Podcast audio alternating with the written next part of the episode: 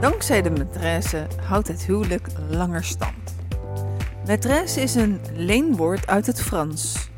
Het achtervoegsel is gevormd van maître, meester. Zoals baronesse gevormd is van baron en betekent letterlijk meesteres. Van oorsprong werd met de maîtresse namelijk de meesteres van iemands mannenhart bedoeld, iemands geliefde. Hi, wat leuk dat je luistert. Mijn naam is Annette Burgers. Ik ben relatietherapeute, gespecialiseerd in het begeleiden naar ontrouw, het verbeteren van de communicatie en verbinding in een houdvast traject, een privé-traject en het begeleiden van samengestelde gezinnen naar meer rust en harmonie. Je kunt hier alles lezen, uh, hier alles over lezen op www.youtubecoaching.nl. Dit is de podcast Op zoek naar de liefde. De podcast met 100% aandacht voor liefde, seks, intimiteit en jouw relatie. Vandaag ga ik het hebben over de rol van de maîtresse. Oftewel de minnaar, de minnares. Ofwel de bijman of de bijvrouw. Ofwel het gemakkelijkst de derde. Dat laatste is het kortst en niet afhankelijk van seksen, dus dat woord ga ik in deze podcast gebruiken. Persoonlijk vind ik maîtresse wel het meest romantische woord, het, meest, het allermooist klinken.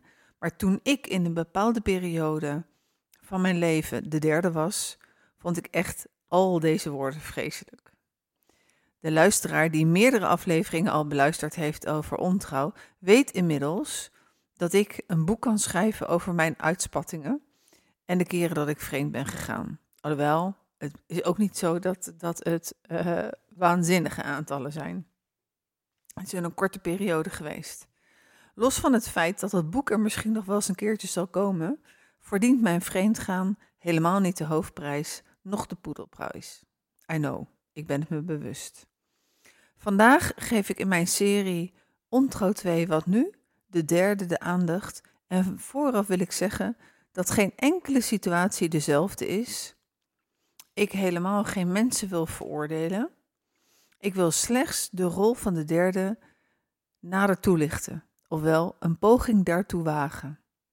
En we, samen met jou als luisteraar, afvragen welke betekenis die rol heeft. Want wat is namelijk die rol? Wat zijn de verantwoordelijkheden? Wat zijn de rechten? Wat zijn de plichten? Waarom kiezen mannen of vrouwen er bewust voor om de derde te zijn? Wat valt er in het hele verhaal over vreemdgaan over deze rol te vertellen? Ik ga een poging wagen om een en ander van verschillende kanten te belichten. Heb jij trouwens een vraag hierover? Je bent welkom om te reageren via de mail en of via de comments onder deze podcast. Lang geleden had ik een heel sterke mening. En die mening was: iedereen heeft verantwoordelijkheid over zijn of haar eigen relatie.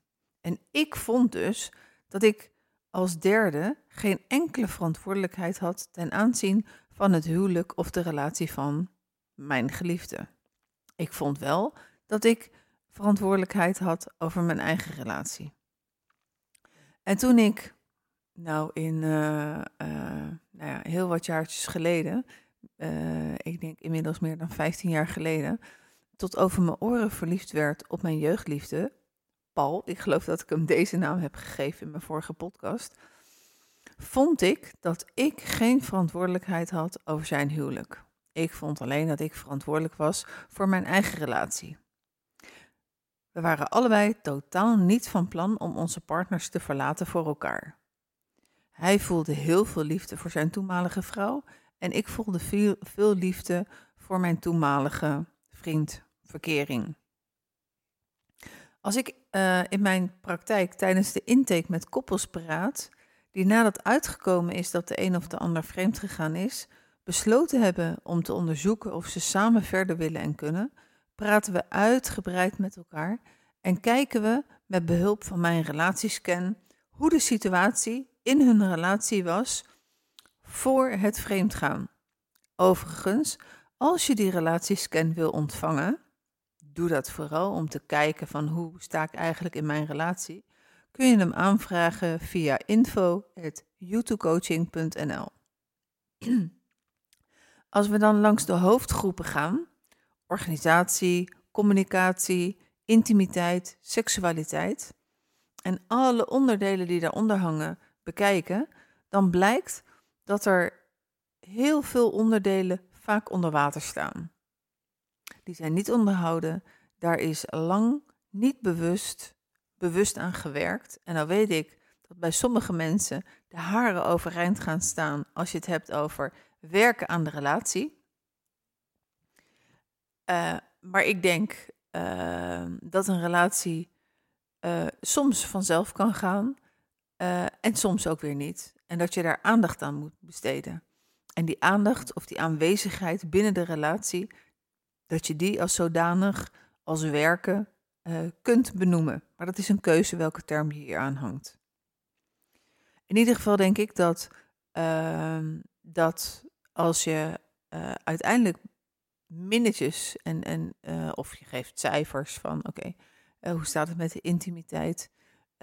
En een voorbeeld daarvan is duidelijk wel de quality time. Hebben jullie met elkaar um, quality time samen? Er, er, is onderzoek gedaan dat, dat je minimaal een half uur per dag echt quality time moet hebben met elkaar. en daarnaast een dagdeel per week. Als je dagdagelijks alleen bezig bent met het gezin, het bedrijf, het gezin. Uh, en als je als broer en zus naast elkaar gaat leven, dan heb je niet meer echt die quality time met elkaar. Doe je daar niks aan? Praat je daar niet over als je dat mist? Als je merkt, hé, hey, hierin zijn we veranderd de afgelopen tijd. Uh, dan onderhoud je die quality time niet. En uh, nou, daar is dan niet goed genoeg over gesproken. En beide partners voelen zich dan vaak uh, tekort gedaan door de ander. En ja, als de poppen aan het dansen zijn, als eruit is gekomen dat een van de twee uh, ontrouw geweest is, beseffen de meesten wel dat ze dat achterstallige onderhoud hadden, waar ze niet meer over spraken. Ik vergelijk het dan vaak met een oudere auto die je jaarlijks naar de APK brengt maar wat je dan in het geval van de relatie stelselmatig gewoon overslaat. En dan, ja, dan loop je inderdaad het risico dat je ergens op een heel slecht moment, op een heel onhandige plek, met een kapotte auto komt te staan. En misschien zelfs wel met drie huilende kinderen op de achterbank, die met een angstig gezicht jullie als ouders aankijken van wat is hier gebeurd? Wat gebeurt er? En dan heb je de poppen aan het dansen. Of je kan het ook vergelijken met het poetsen van je tanden. Je kunt een avond overslaan, misschien zelfs een hele week. Maar als je langer dan een maand of langer je tanden gewoon niet poetst, ja, dan krijg je gaatjes. Wat ik hiermee wil zeggen is dat je een groot risico neemt als je relatie niet beide onderhoudt. En dat je aanwezig bent. En dat je aandacht geeft naar elkaar. En dat je betrokken bent. Sorry, en belangstelling toont. Kortom, ik zie in mijn praktijk dat er vaak achterstallig onderhoud in de relatie is. En dat een derde persoon die je op het werk tegen kan komen, of in een supermarkt, dat heb ik ook inmiddels uh, uh, geleerd en gehoord. Of een stereotype de secretaresse kan zijn, of je baas, uh, je leidinggevende zeg ik dan altijd. Of je, je gaat echt bewust op zoek naar aandacht, naar intimiteit of naar seks via een bepaalde website. Dat je daarmee open staat voor dat wat je mist binnen de relatie. Het kan dus zo zijn dat de derde één of die meerdere pijlers van het gemis binnen de relatie opvult. Dan hoeft er nog niet eens sprake te zijn van een echte verliefdheid, die, die kan dan wel groeien, of echte liefde, maar dat in eerste instantie puur het gemis opvult. De vreemdganger in kwestie, de ontrouwe partner, kan zeker wel gevoelens hebben, Maar als het op het maken van een harde keuze aankomt, zal er vaker gekozen worden om door te gaan met de partner en het gezin, dan dat er gekozen wordt voor de derde. Daar heb ik het over gehad in ehm, de valse start, de vorige podcast. Het kan dus zo zijn dat de man of vrouw in kwestie voor een bepaalde tijd ook rustiger, zelfs gelukkiger lijkt in zijn relatie, omdat er elders een heel fijne compensatie is en er ergens aandacht gegeven wordt. Verliefdheid en als een nieuwe versie van zichzelf kan je je ook euforisch voelen. Nieuwe energie, nieuwe dingen meemaken. En er kan een tijd lang ook nieuwe energie van die nieuwe relatie, die daarin gestoken wordt, meekomen met, met de flow en nieuwe energie in de oude relatie brengen. Het, het komt dus echt zo e, echt voor dat de derde voor een verbetering in de relatie en zelfs betere seks in de relatie kan zorgen, zonder dat die derde het zelfs beseft en of weet. Of de derde veel of weinig betekenis heeft, hangt ook mede af van wat voor soort affaire het is. In het boek van Petra Dij, Verder na een affaire, lezen we de verschillende soorten affaires. En natuurlijk, het varieert van de emotionele ontrouw, dus dat je um, iemand meer in vertrouwen neemt en meer dingen vertelt dan je eigen partner, tot en met uiteindelijk de fysieke seks met echte gevoelens van houden van, zoals Petra dat noemt, de romantische affaire.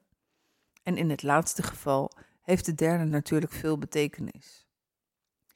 Als de relatie met de derde aan het licht komt, worden vaak alle gifpijlen van de bedrogen vrouw of man gericht op ja, de hoer, de hoerenloper, de heks, de vuile slet en al van nog meer van dat soort woorden.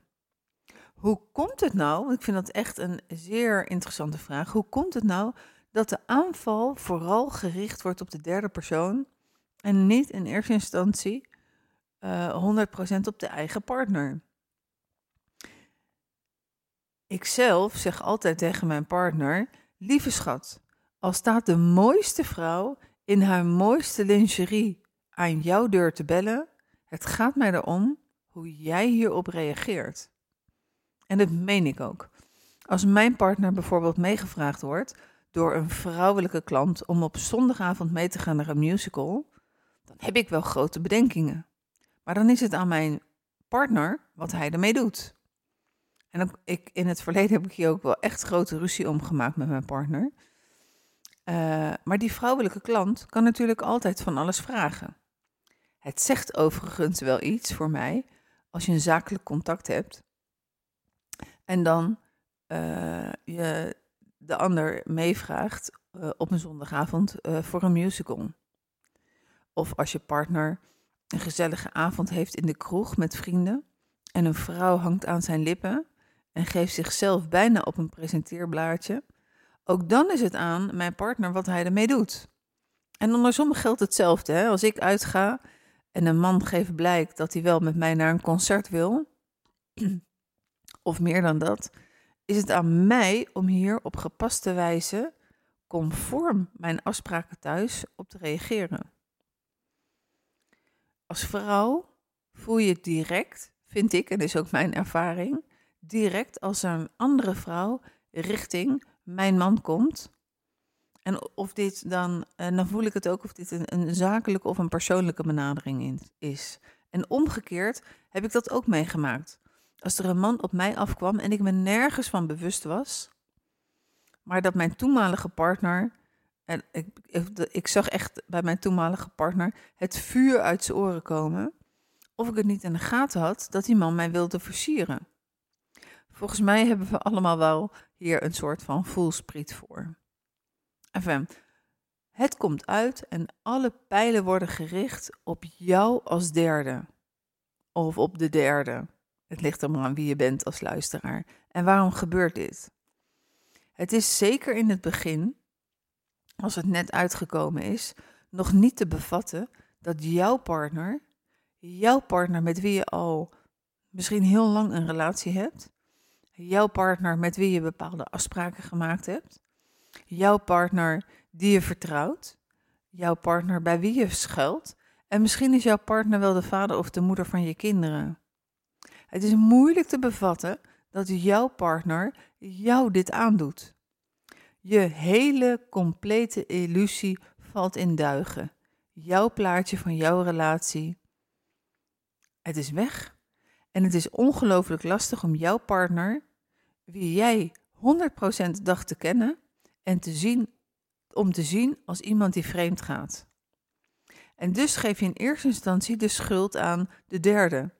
En als de derde een vrouw is, dan is dat de heks, dat loeder, die verleidster, of welke naam je er ook aan geeft, die jouw partner verleid heeft. Want jouw partner zou dat uit zichzelf niet doen. Tenminste, dat is dan wat, wat in eerste instantie bij jou opkomt. En het is vaak nog lastiger om te beseffen dat het een illusie is, dan om naar de werkelijkheid te kijken. Om een illusie los te laten, want dat betekent ook van hé, hey, ik heb dat zelf, ja, dat plaatje gecreëerd en die ander is niet zo. Dat valt niet mee om, dat, uh, om die illusie los te laten. Ten tweede, zeker als je getrouwd bent, er kinderen zijn en je nog zielsveel van je partner houdt, is het ongelooflijk angstig om ten volle te tieren en boos te worden. Waarom? Omdat je sowieso nog in het ongeloof zit en nog 100% hoop hebt, of misschien zelf ook wel iets minder, dat je relatie het redt. Linksom, rechtsom, je hebt simpelweg je partner nodig als je kinderen hebt. Het is de andere ouder van je kinderen. Van je kind. Je hele financiële status en situatie hangt af van jullie samen. Dus los van het feit dat je niet kan geloven dat jouw partner jou dit bewust aandoet, ben je ook nog eens afhankelijk van elkaar. En dat maakt, door die afhankelijkheid van je eigen partner, maakt het het makkelijker om die derde aan te vallen. Als derde, in sommige gevallen is de derde een bekende uit de sociale omgeving van jullie. Een vriend of een vriendin, een familielid, een buurvrouw of een buurman, een collega. En heb je als bedrogen partner de derde misschien wel heel hartelijk ontvangen, heel gastvrij ontvangen in je eigen huis. Of heb je zelfs, als het een vriendin is, of een vriend of een familielid, heb je zelf het een en ander over je relatie verteld. In dat geval voel je je natuurlijk dubbel bedrogen. Je wordt dan bedrogen door je partner en je bent bedrogen door de derde. Mannen hebben wel vaak een bond als mannen. Je gaat niet vreemd met de vrouw van je beste vriend. Je gaat niet vreemd met de vrouw van je broer. En sommige vrouwen hebben dat trouwens ook. Toen ik in de eerste week in mei, mm, toen ik net uh, terug was in Den Haag en vrijgezel was, nou, de scheiding was nog niet officieel uitgesproken, werd ik gebeld door een dame. Ik kende haar niet, maar zij was mijn ex tegengekomen op een datingsite. en ze had via Google zijn naam opgezocht en was bij mij terechtgekomen. En las allerlei ja, mooie verhalen die ik toen ook schreef met happy foto's. En zij dacht, ja, hier klopt iets niet. En wilde absoluut geen derde zijn in een relatie. En ze had mij, ja, uh, alles ligt van mij uh, open en bloot op, uh, op, op internet. Dus ze had heel snel mijn telefoonnummer te pakken. En ze vroeg of ze mij kon bellen. En ehm, ja, zij, zij wilde weten hoe het zat. En uh, zij had voor zichzelf al besloten om, uh, om het contact te, te verwijderen. Omdat zij vond, wij vrouwen doen dat niet bij elkaar. Wij zijn sisters. En we moeten zeker niet als een man uh, iemand zijn vrouw gaat beduvelen, moeten we daar niet aan meewerken. Nu was het zo dat, uh, dat hij en ik al uit elkaar waren. Dus hij beduvelde niemand. Los van het feit dat het wel heel erg snel was nadat ik mijn koffers had gepakt. Ehm, maar dat, ik heb het ongelooflijk gewaardeerd dat ze me daarvoor belden. Dus als de derde bekend is in, in jouw situatie, of misschien niet in jouw situatie, maar wel een andere situatie, dan, dan, dan voel je je als bedrogen partner, voel je je dubbel belazerd. En dan is natuurlijk ook wel logisch uh, dat er, uh, ja, dat je, dat je bedrogen voelt ten aanzien van de derde. Dat gaat meestal gepaard met een flinke dosis haat en soms ook met wraak, als die pijlen dan die kant op gaan. Als vierde is het goed om te beseffen dat ontrouw echt een relatietrauma is. En het, is een trauma, het is verlies, het is pijn wat je aangedaan wordt. En dat betekent ook dat de partner van jouw lover terechtkomt in een posttraumatisch stresssyndroom. En dat betekent dat iemand last kan hebben van flashbacks, dat iemand niet in de buurt wil komen van mensen of dingen die je doen herinneren aan de ontrouw. Zo heb ik bijvoorbeeld uh, een cliëntenkoppel uh, waarvan uh, de man vreemd is gegaan op de sportvereniging, de voetbalvereniging van de kinderen. En heeft zijn partner echt ja, het heel erg moeilijk om nu met de kinderen naar de voetbal te gaan en in die omgeving te staan angst, verdriet, spanning wordt gevoeld. Ehm, je, je komt in, uh, in, in een overlevingsstand terecht. Je kan heel erg op je hoede zijn en voor alles schrikken. Slecht slapen hoort erbij, nachtmerries. Iemand kan zich terugtrekken, waardoor er ook steun uh, gemist wordt. En het kan zelfs zo zijn dat iemand er niet over durft te praten door schaamte. En in een sociaal isolement tijdelijk komt. Je kan moeite hebben om je focus te behouden. En iemand kan ook ongelooflijk verdrietig zijn, woedend zijn. Uh, er worden wat uh, stofjes niet aangemaakt. En het is goed om te beseffen dat het aangedaan verlies is. En dat voel je dubbel zo hard. Dat komt echt als een waanzinnige bom binnen. Het is ook nog eens levend verlies. Je partner is niet dood, maar je toekomst staat ineens wel op losse schroeven.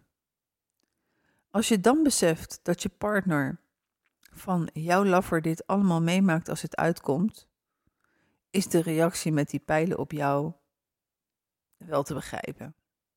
Ik begrijp het in ieder geval nu wel. In het verleden dacht ik, uh, waarom doet ze dat nou naar mij? Uh, ik ben niet met haar getrouwd. Maar ik had zeker wel mijn verantwoordelijkheid. En dat ben ik steeds meer later en later gaan beseffen. Een andere interessante vraag is: welke mensen pakken graag de rol van de derde op? Zijn dat mensen met een laag zelfbeeld? Zijn dat mensen die moeilijkheden hebben met hechting? Zijn dat thrill seekers?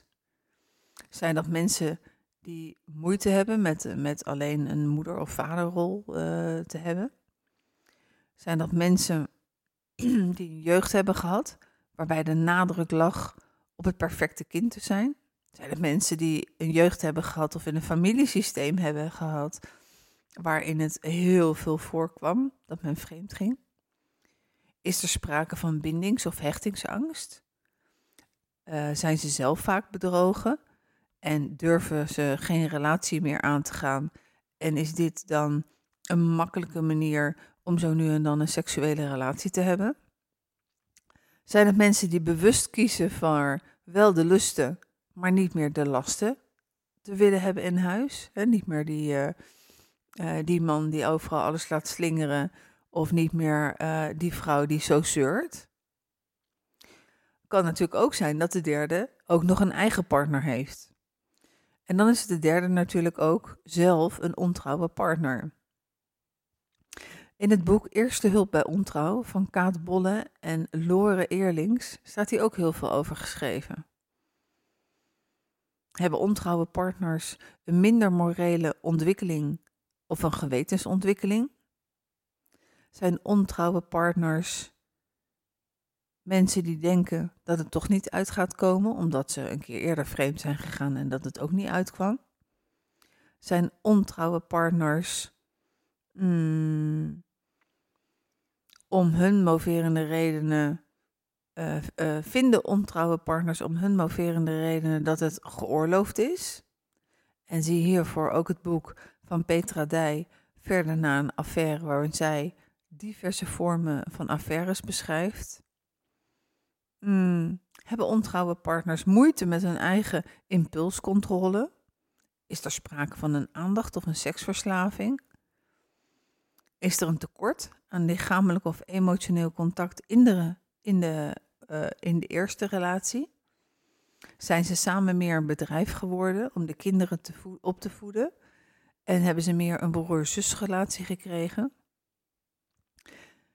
Uh, is er sprake van uh, een, een, een egoïsme waardoor men meer focust op de ik dan op de wij? Is de ontrouwe partner zelf bedrogen? Kan allemaal. Uh, ik weet het antwoord niet. Het, het, uh... Sorry. Het zijn dingen die, uh, die voorbij komen in de praktijk. Ehm, als ik aan mezelf denk, waarom ben ik vreemd gegaan? Ik ben gewoon vreselijk verliefd geworden uh, op Paul. Ik had nooit gedacht uh, dat ik als uh, braaf meisje dat zou doen. En dat is ook iets wat ik veel terug hoor in de praktijk. Nou, ik had nooit gedacht dat ik vreemd zou gaan. Maar wat vind jij? Ben je als, hoe, in hoeverre ben je als derde persoon mede verantwoordelijk voor wat er in het gezin van jouw laffer gebeurt? Ben je daar überhaupt voor mede verantwoordelijk? En voor hoeveel procent ben je daarvoor verantwoordelijk? Zoals ik eerder gezegd heb, ik was hier vroeger heel duidelijk in. Als derde voelde ik me niet verantwoordelijk. En toch, ik weet dat ik daar met een vriendin over sprak en zij vond dat ik er wel verantwoordelijk voor was. Het knaagde. Het knaagde aan mezelf. en toen ik in de eerste week van mei dit jaar, toen ik vrijgezel was, uh, toen kwam een, een oude lover weer op de lijn. En die stelde de vraag of we een wijntje zouden drinken. En dat was een heel gezellig wijntje. En toen wij elkaar ooit leerden kennen, had ik een relatie en hij niet. En ja, ik ben toen vreemd gegaan met hem. En nu waren de, de rollen omgekeerd. Hij had weer een relatie en ik niet. Als het aan hem had gelegen, hadden we onze affaire, relatie, zo weer op kunnen pakken. Maar dat heb ik niet gedaan. Ik heb de beslissing genomen, zoals ik al meerdere podcasts verteld heb, om niet meer vreemd te gaan. En op het, op moment dat ik met hem op dat terras een wijntje aan het drinken was, en hij mij uitnodigde uh, om verder te gaan dan alleen maar dat wijntje te drinken, om het zo maar te omschrijven, besefte ik, nee, ik wil niet meer vreemd gaan, maar ik wil ook zeker niet meer de derde zijn. En om meerdere redenen.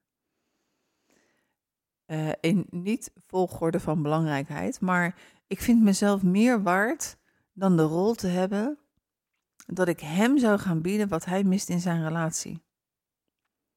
Als ik dat zou doen, dan zou hij zijn relatie ook heel erg lang volhouden. Want wat is dan de motivatie om die relatie te, te, te verlaten als je aan de ene kant een, vrij stabiele thuissituatie hebt en waarbij je het ook zeker wel gezellig hebt. Uh, het was hij was weer teruggegaan uiteindelijk bij de moeder van zijn van dochters. Uh, dat, dat, dat, ja, dat, dat was oké. Uh, en hij, natuurlijk, hij miste heel veel binnen die relatie.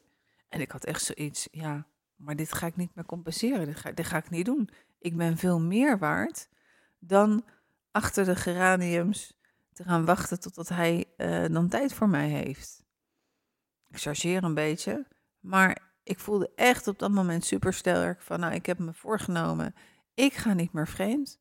En toen merkte ik, en ik neem nu ter plekke ook de beslissing dat ik niet de andere partij wil zijn in, in een relatie. En dat ik dat ook, dat relatietrauma, niet aan wil doen bij een andere vrouw.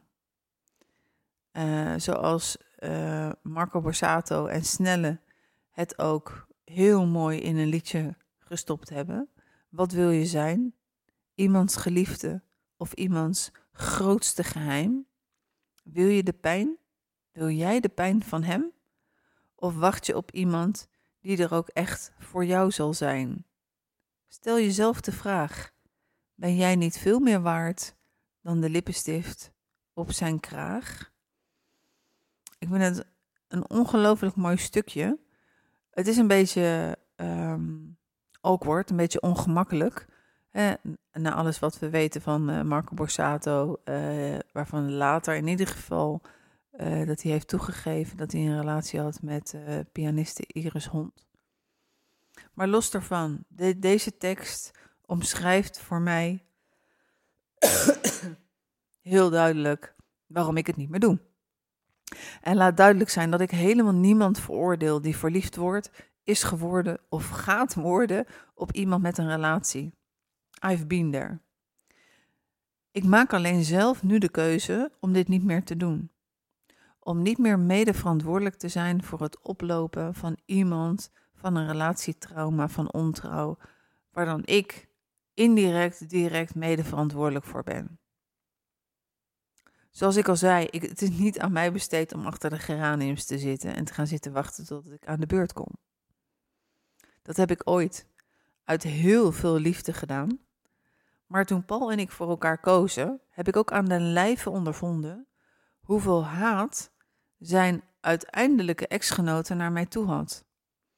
En daar hebben hun kinderen en de hele familie last van gehad. En wij ook in onze relatie. Het is een heel groot dilemma als je echt ongelooflijk, ongelooflijk verliefd wordt op iemand die een relatie heeft. Ik snap het. En iedereen maakt hierin echt zijn eigen afwegingen. En die respecteer ik.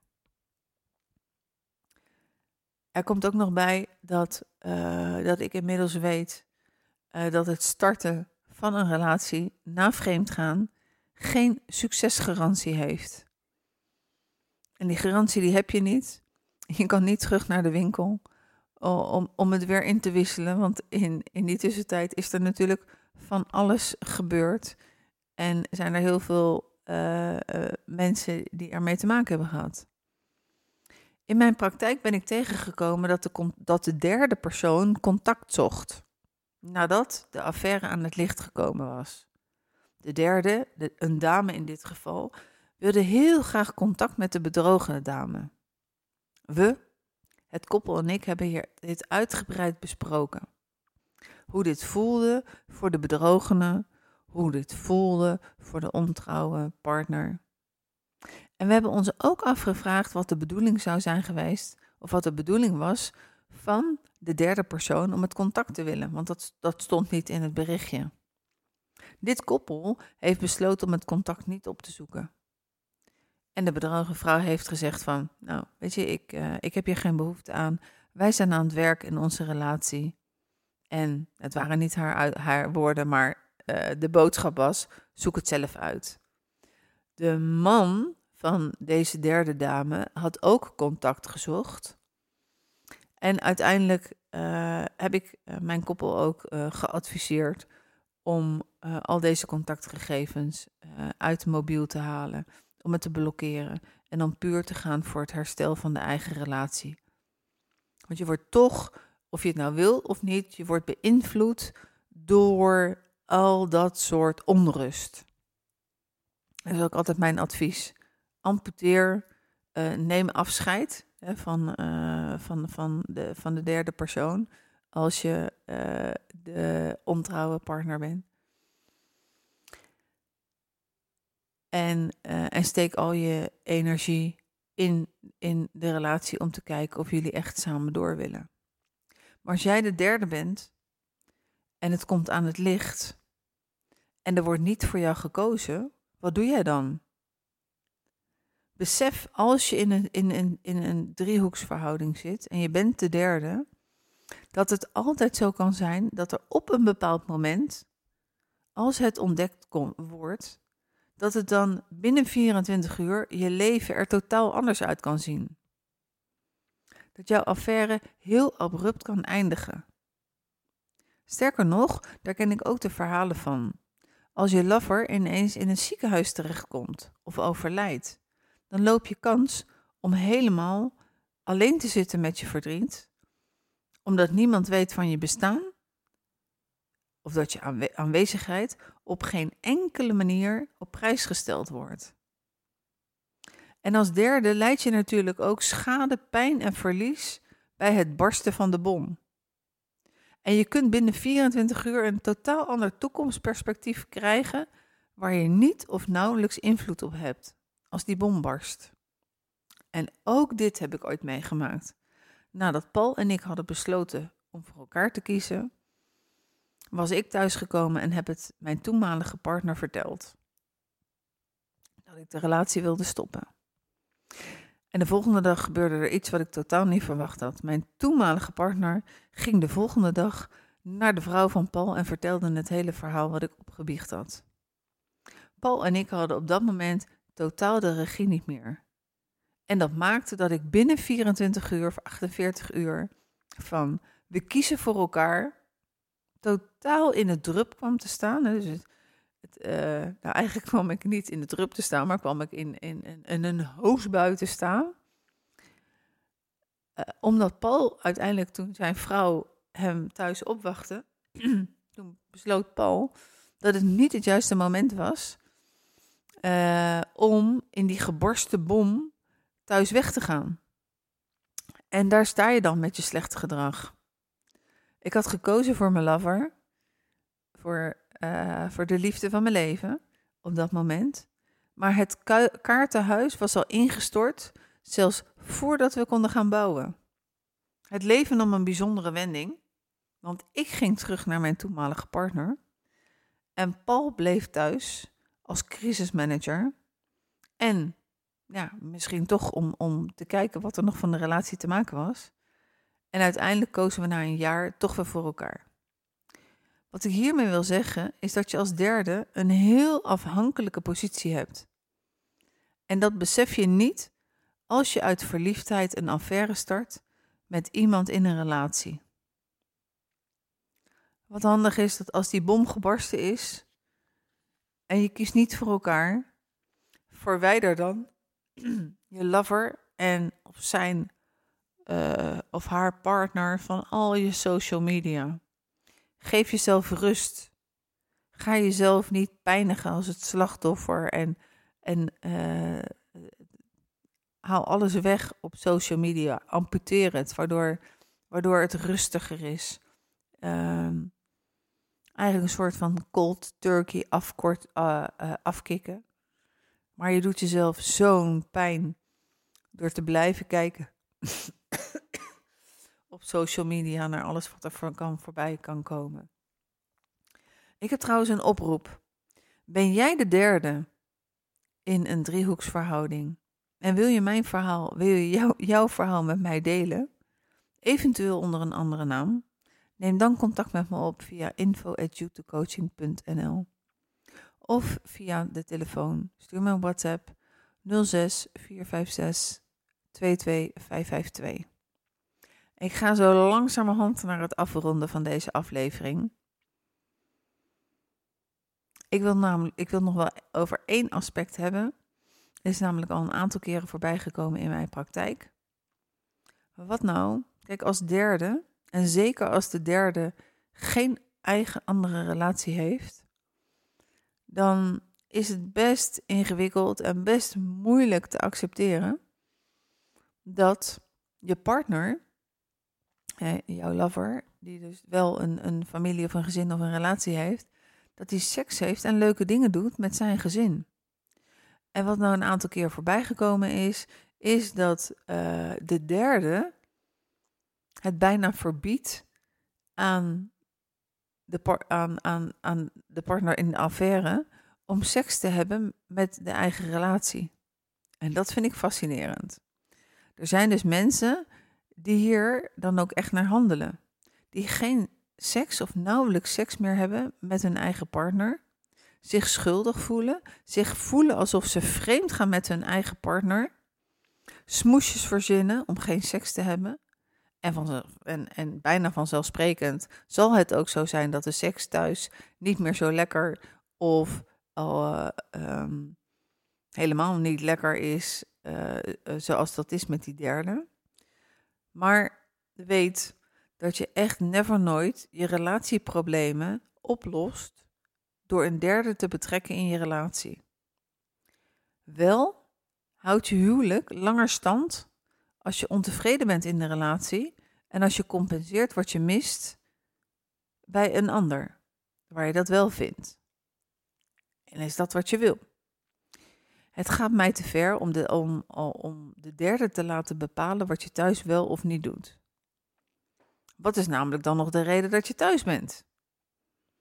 En ik weet dat het nemen van een beslissing, het maken van een keuze, altijd betekent dat je verlies gaat leiden. Dat je of de derde uh, of je, je, je nieuwe uh, lover gaat verliezen, of je gezin en misschien je familie en alles wat daarbij bij komt kijken. Dus je hebt te maken met verlies. Maar goed, ik ga afronden. Ik weet niet of jij als luisteraar de derde bent in de affaire, of de bedrogene, of de ontrouwe partner. Alle termen zijn vreselijk. In podcast 112, die nog uit gaat komen, dat is wel een beetje raar, want dit is podcast 113, maar zo werkt het wel eens, interview ik Hilbrand Westra en Nicole Smet. Nicole Smet. En in die podcast heeft Hilbrand het over het heilige van echte liefde. Het is een aanrader om daar naar te luisteren. Ik heb een missie. En dat is dat ik een poging waag om gesprekken op gang te brengen in relaties. Met deze podcastserie Op zoek naar de liefde. Het is niet belangrijk te weten of de mens geschapen is om monogaam te zijn, ja of nee.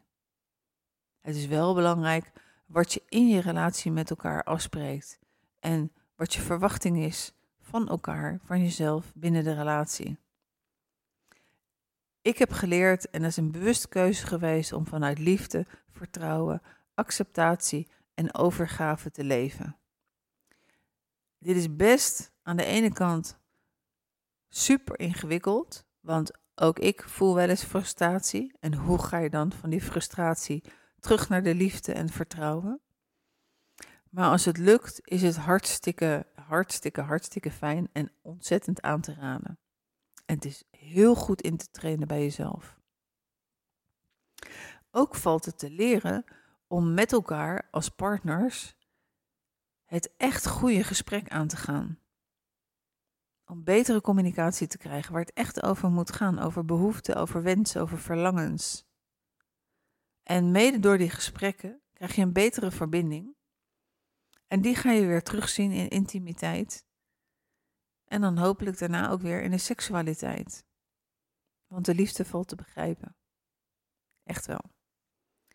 Wil jij een gesprek met mij over jouw situatie? Je bent van harte welkom. Stuur een mailtje naar info.youtubecoaching.nl Over twee weken is er weer een nieuwe podcast in deze serie.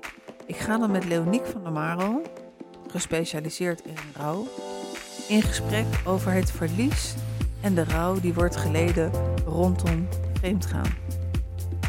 Dankjewel voor het luisteren en heel graag tot de volgende podcast.